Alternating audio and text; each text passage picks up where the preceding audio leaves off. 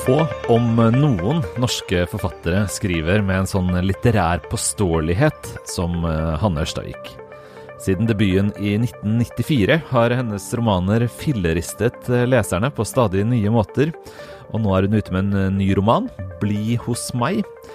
Den tenkte vi rett og slett vi skulle vie denne ukens utgave av Morgenbladets bokpodkast til. Jeg heter Bernhard Ellefsen, jeg er bokansvarlig i avisa. I den andre enden av telefonlinja har jeg kollega Olaf Haagensen, kulturjournalist.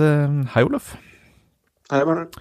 Ja, vi tenkte vi skulle snakke om uh, Hanne Ørstavik. Hva slags forhold har du til Ørstaviks forfatterskap fra før? Har du lest alle sider hun har skrevet siden 1994? Nei, jeg har lest ganske nøyaktig to romaner før denne. Dette er min tredje roman. Og de to romanene jeg har lest, er De må være fra ganske tidlig i forfatterskapet, altså uke 43 og 'Kjærlighet'. Mm. Ja, det må vi kalle første fase, i hvert fall kjærlighet. da. Mm. Ja.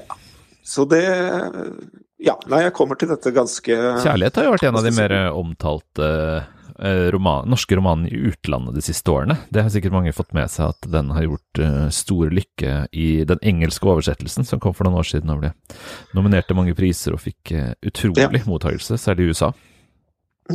Ja, den, den var Hva skal vi si? jeg har nok kanskje følelsen, basert på dette riktignok litt sparsomme lesegrunnlaget, da, at jeg og Ørstavik hva skal vi si, vibrere på noe ulike bølgelengder. Men jeg hadde uh, veldig Det var veldig, det kan jeg si først som sist, det var veldig moro å lese denne nye romanen med tanke på å skulle snakke uh, om den her i podkasten. For den er Jeg må jo si at jeg syns det er veldig interessant å snakke om litteraturkritisk, prøve å sirkle inn hva som er kvalitetene. Ja, det er kjempevanskelig. ja. ved, ved, bøkene, da. Det er interessant i seg selv, det. Hva, det å, altså, kritikken om Ørstavik. Jeg husker jeg anmeldte for et tidsskrift for sikkert 10-12-14 år siden. En antologi som kom om Ørstaviks forfatterskap. Og den husker jeg var veldig eh, avmålt til, eh, fordi eh, Fordi det var for mye sirkling. Altså for mye sånne vaghet rundt forfatterskapet. Og det, det har jeg vel tenkt på at Ørstaviks romaner i, i uvanlig grad farger uh, sin egen mottagelse. Altså måten hun skriver på, smitter over på, på måten kritikerne skriver på. Og det, det husker jeg diskutert, jeg diskuterte i den anmeldelsen, og jeg har tenkt mye på etterpå også, at, at det er litt særegent i hvilken grad det gjelder akkurat Ørstaviks forfatterskap. da, At det smitter over. Når jeg satt og leste denne nye romanen, 'Bli hos meg', mm. heter den da hvis jeg, jeg må nok sirkle litt her, skjønner du. Ja, ja. Sirkle i vei, du. Så skal vi snakke litt Vi kan, vi kan både snakke om sirklinga som fenomen og om boka litt parallelt, egentlig. For det er, det er jo interessant begge deler. Ja. Uh, jeg syns på mange måter når jeg skal beskrive hva den romanen er, hva den gjør, hva den interesserer seg for, så syns jeg det kan være anskueliggjørende å gå veien om hva den ikke gjør, hva den ikke interesserer seg for. Ja, vi, det er begynne, definisjonen på sirkling. Mm. Ja, men jeg må begynne der, da. Altså, som for Setupen er ganske enkel. Uh, vi har en uh, forfatter som er svært lik Ørstavik, så vidt jeg kan uh, forstå. Den er 40 jeg-person. Hun er 53 år, bor i Milano i Italia. Har relativt nylig mistet blitt enke. Hun har mistet ektemannen sin. Og hun uh, innleder et, en kjærlighetsrelasjon, romantisk forhold, til en annen mann. En italiener. En, han er håndverker av noe slag. Det er på en måte grunnfortellingen, og så er det i tillegg en uh, uh, fortelling om en roman denne forfatteren skriver. Men hvis vi bare liksom holder oss til mm. grunnfortellingen, da. ikke sant?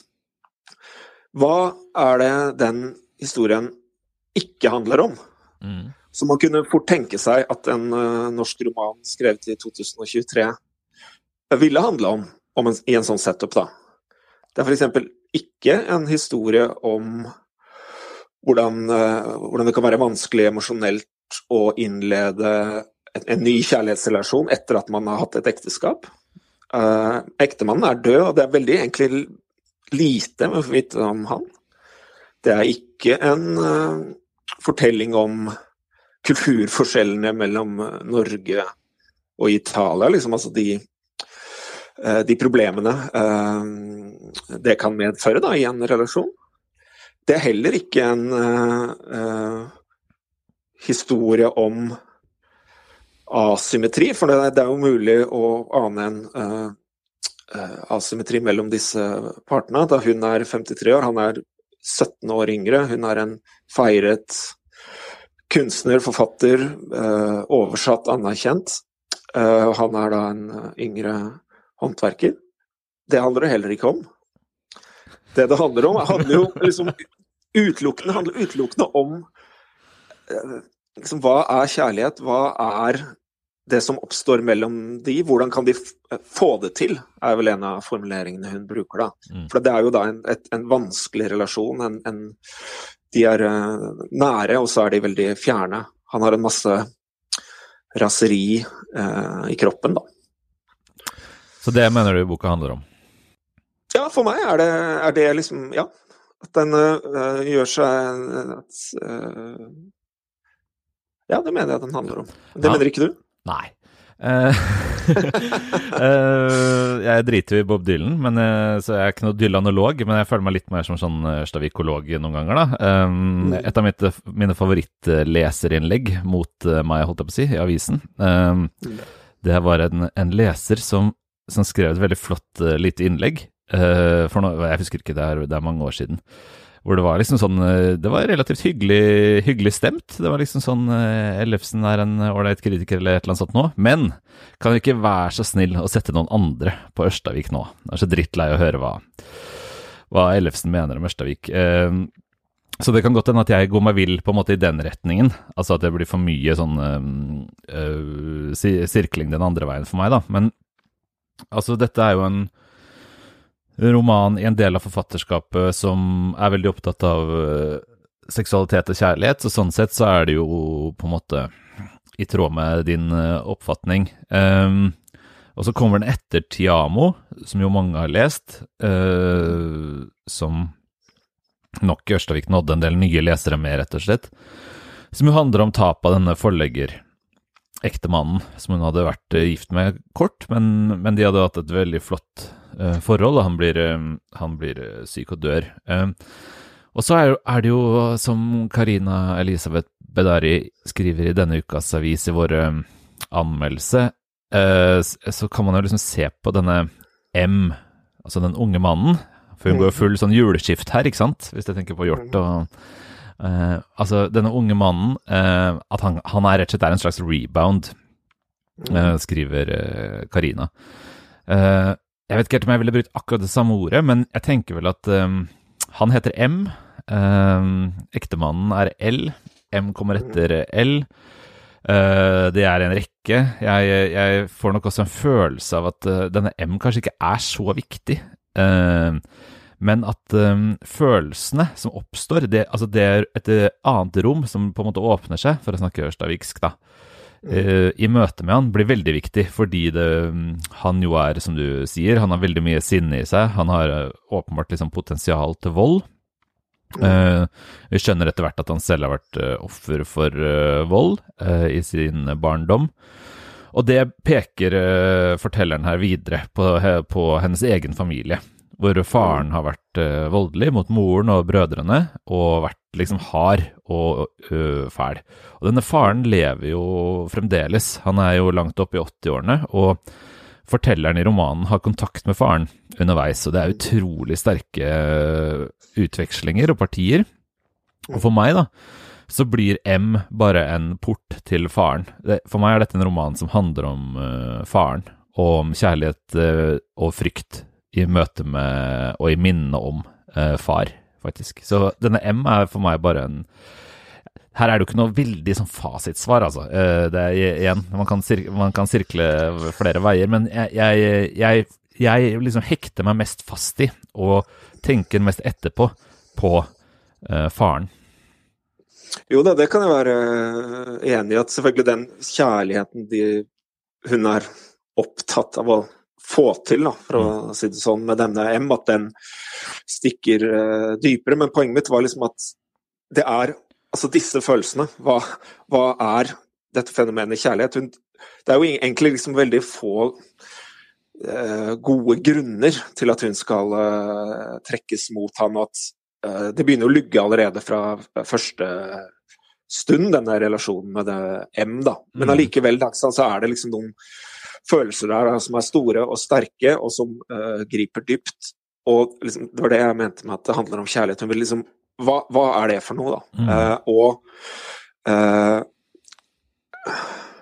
er det også bare da Det er jo da følelser som uh, leder henne videre også til faren, da, som du sier. da. Men denne, dette fenomenet, kjærlighet Og jeg tror også det liksom det er, Den romanen faller jo på en måte litt i to deler.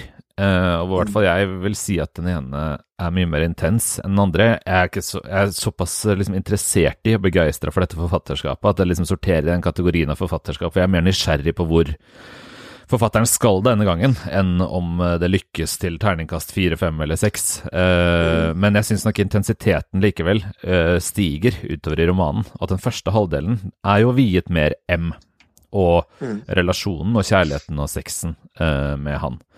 Mens i andre del så blander M og far seg. Frykten for uh, M og frykten for far uh, blander seg mer, liksom. Altså det vikles mer sammen og, og drar seg voldsomt til. Og, og, far og barndomsminner og den gamle Altså far i den sin eldgamle inkarnasjon, altså nåtidsversjonen, får mer plass.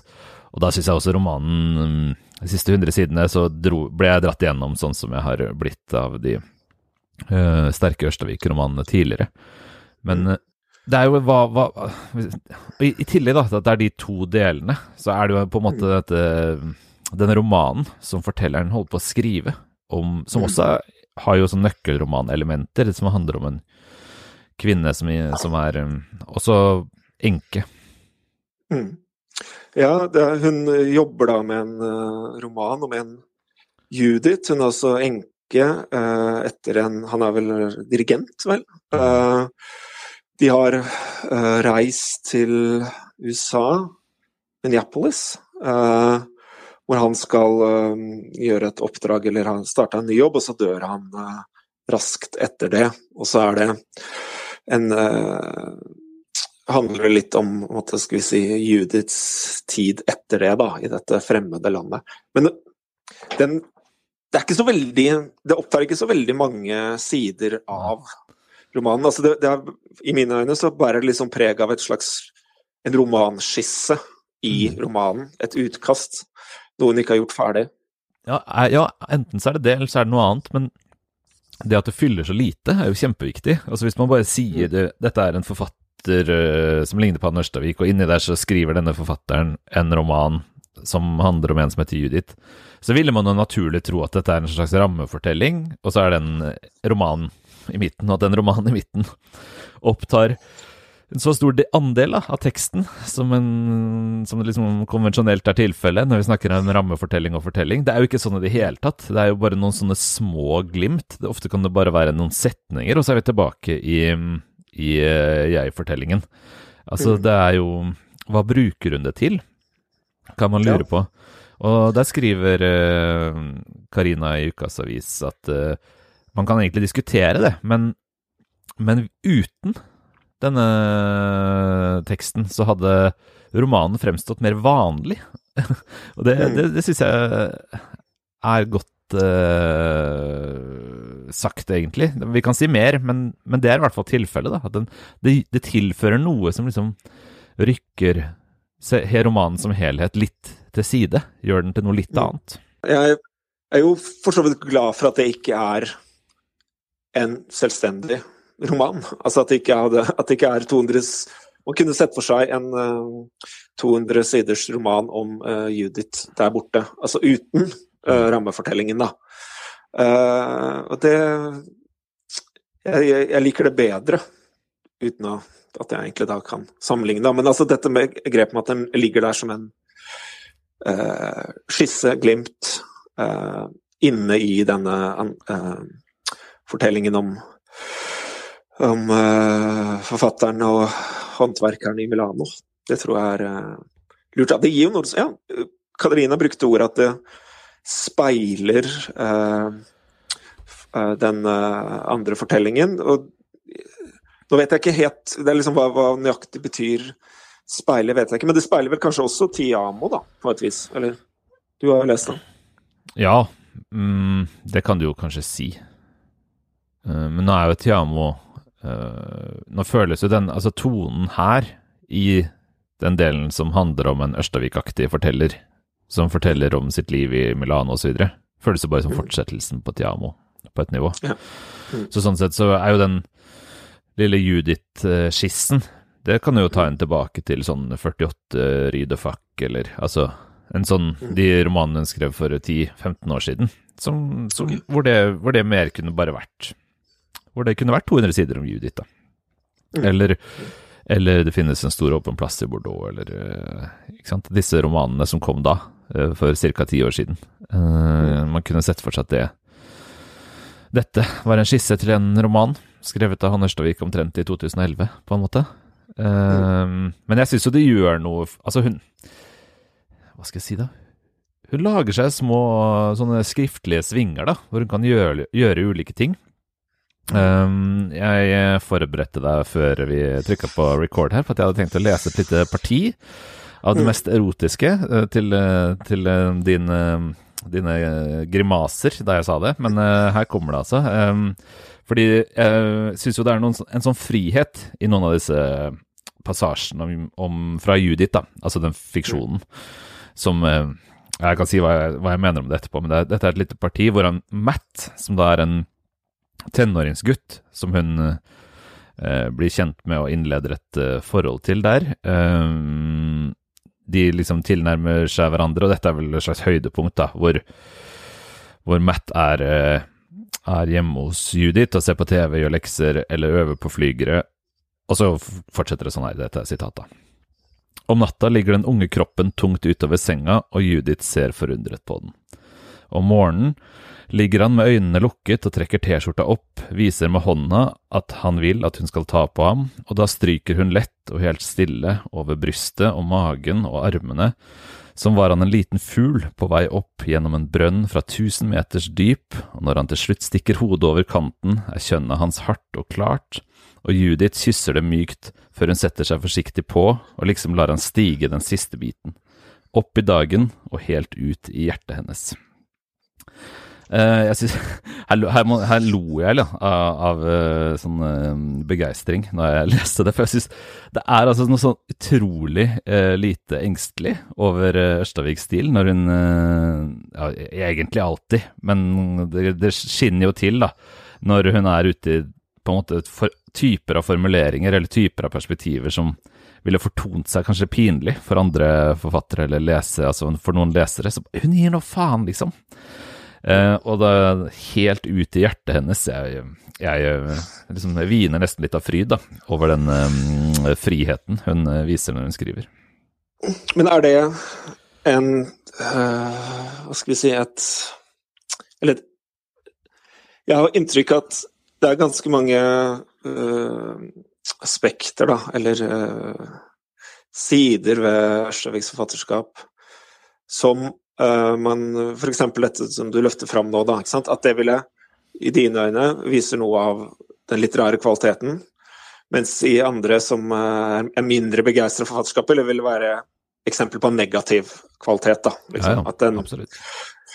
Um, jeg tenkte på det også liksom i stilen, da. for det er jo ingen omveier, tror jeg man kan si. Eller det opplever i hvert fall jeg det. Det er det er liksom alltid rett på hele tiden der det, eh, det romanen opplever uh, som viktig. Altså, Karina brukte en sånn formulering med at hun liksom tar og holder deg hardt, napper deg hardt i armen, liksom. Mm. Og syns jeg var uh, treffende, da.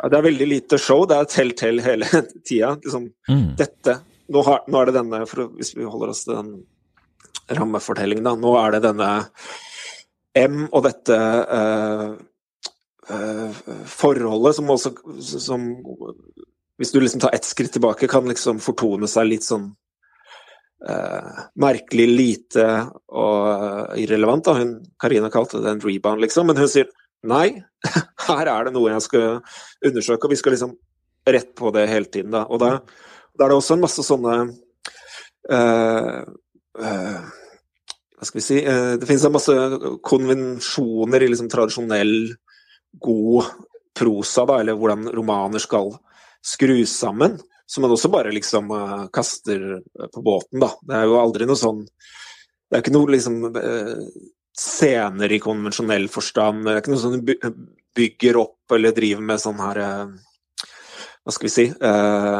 det er ikke noe liksom narratologisk fikst, da. Eller narrativt fikst uh, ved, uh, ved, stilen hennes. Det er liksom bare rett på hele tiden, som gir en særegen intensitet, da, vil jeg si. Og som jeg også vil tippe, da, vil hva skal vi si, de mindre eh, begeistrede vil liksom eh, kanskje oppfattes som Eller som man kunne beskrevet hvis man skulle beskrevet i mer negative ordelag, da, som insisterende, kanskje litt masete, kanskje litt sånn enspora, da. Mm. Ja, nei, nå er hun jo nede på at hun ikke engang um, liksom lar, altså Hun lar nesten ikke noe være igjen på notatblokka. Um, fordi um, det er jo helt åpne små diskusjoner her av annen litteratur som, mm. som vanligvis sikkert ville liksom vært uh, notater på baksiden av servietten ved siden av datamaskinen uh, mens en forfatter skriver.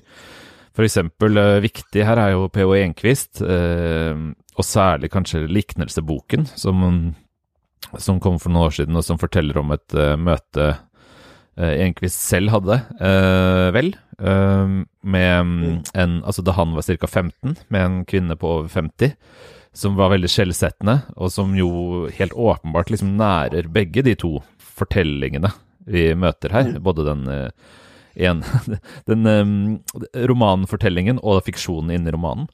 Altså, det er jo ingen, ingenting som blir igjen på notatblokka, nei. Og det er masse sånn hva, hva vil jeg med denne romanen? Og så, og så prøver jeg å sette det på um, Altså, det er like mange ord om det å prøve å få til noe i språk som det å prøve å få til noe i kjærlighet med M.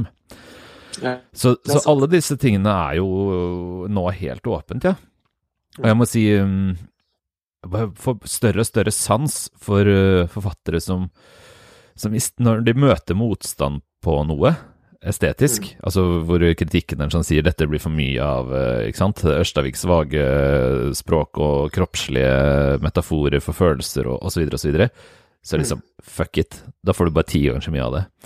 Det er hun ikke alene om, selvfølgelig. Det er jo mange forfattere som blir mer påståelige på sin egen romanestetikk etter hvert som forfatterskapet forfatterskap forløper. Men og det, det, det syns jeg på en måte ofte de gjør med hell, og, og, for meg i hvert fall så, så gjør Ørstavik også det med hell. og det, det er nok også noe av grunnen til at det er særlig de siste hundre sidene i den romanen. Litt mindre i de første hundre, som sagt, for jeg, jeg, er nok ikke helt liksom Føler ikke helt den nødvendigheten i Og er ikke, er ikke så veldig fascinert heller av denne M. Altså, han mm. eh, For meg som leser, så, så er ikke han så interessant. Eh, det blir virkelig interessant når det knytter seg opp til faren og barndomsminner osv. Men, uh, men det er jo det at jeg, jeg, tror jo på at hun må skrive denne boka. Jeg sitter jo ikke og lurer på er dette vedkommende stoff. Er, det noe, er dette nødvendig? Er liksom, hva slags påhitt er det nå? Det, det er jo ikke noe påhitt i det hele tatt. Det er bare full jævla eksistensiell gass. Ja, da, mm, da må jeg si jeg er ganske automatisk uh, med. Mm.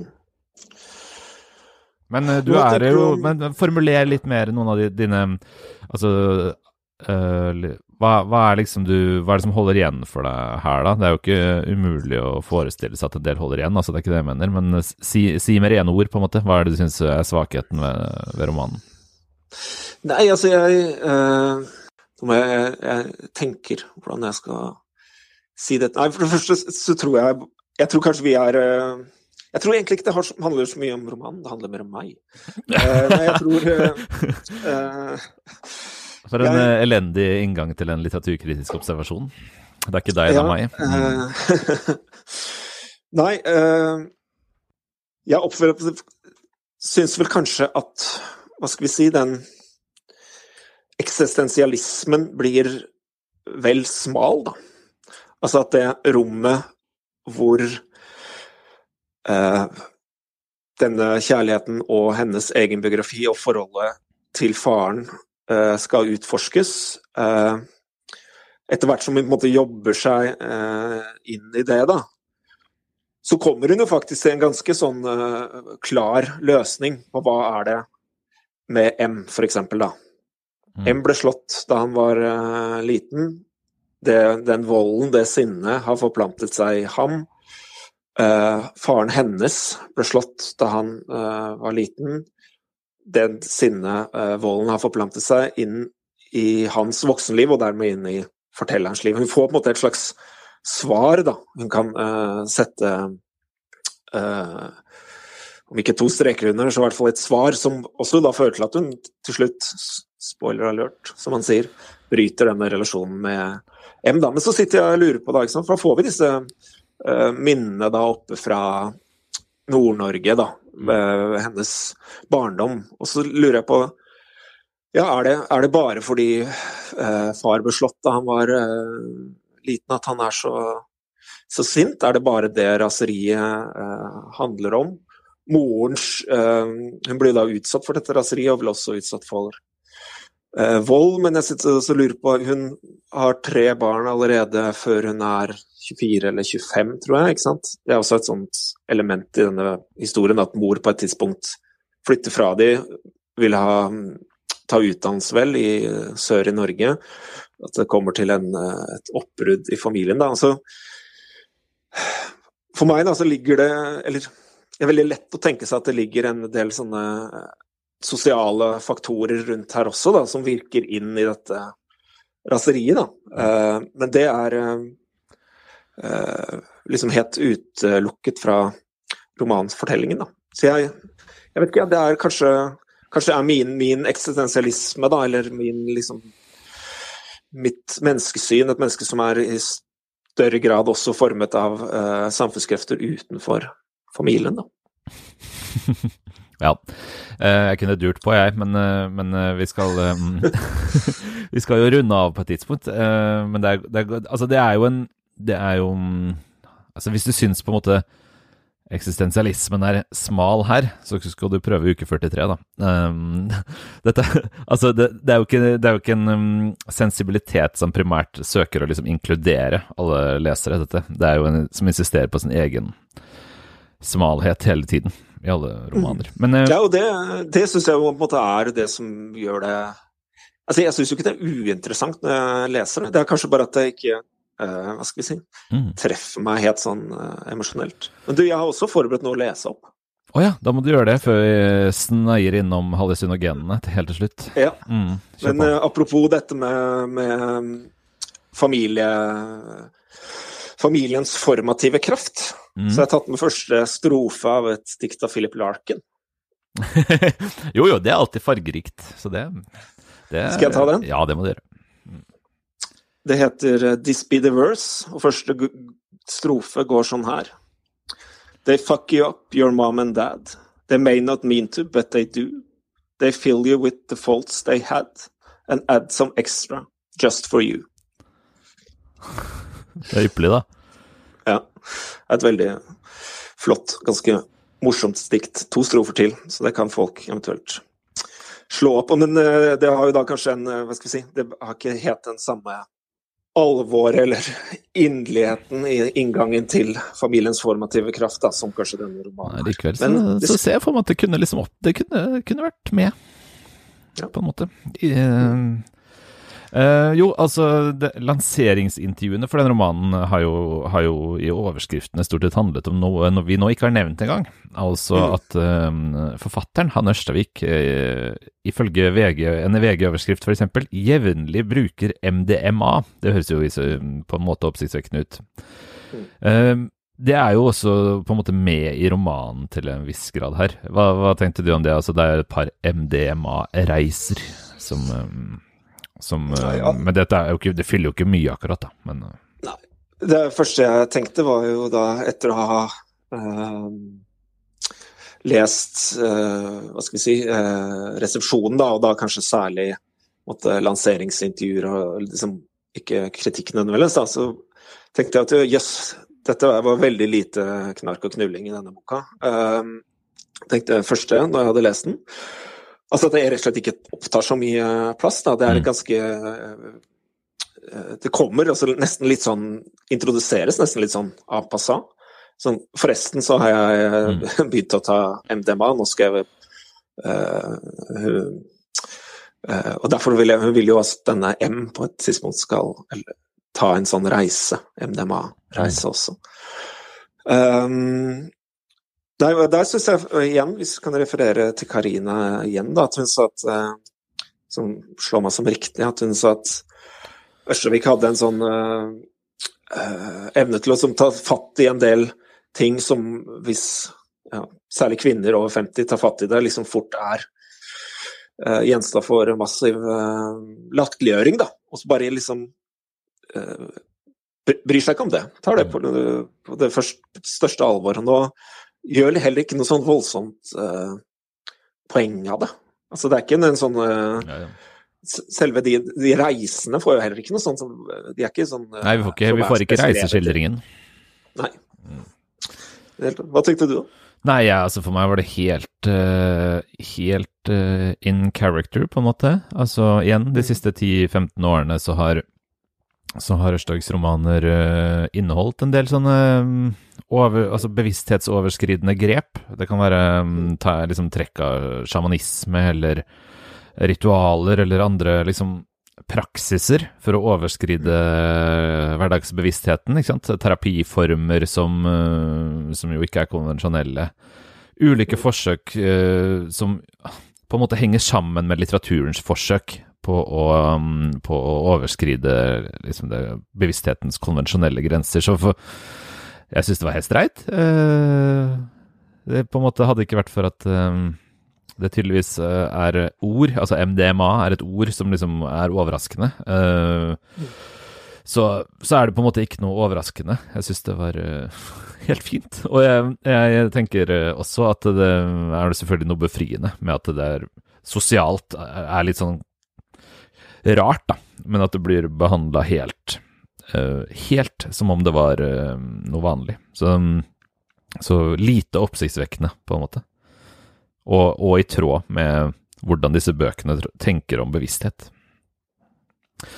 Ja, uh, vi har jo referert mange ganger til anmeldelse i denne ukas avis. Vi hadde også et intervju forrige uke med Han Ørstavik.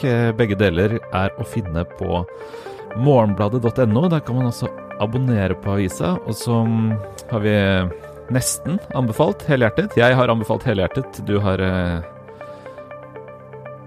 Ja, jeg har uh, Hva skal vi si? Hva jeg har gjort? Jeg har, du har lest boka og tatt notater? Jeg har lest boka, tatt, bok, uh, tatt notater og bare konkludert at ja, dette er interessant, men det treffer kanskje ikke meg på samme måte som det treffer deg. Da.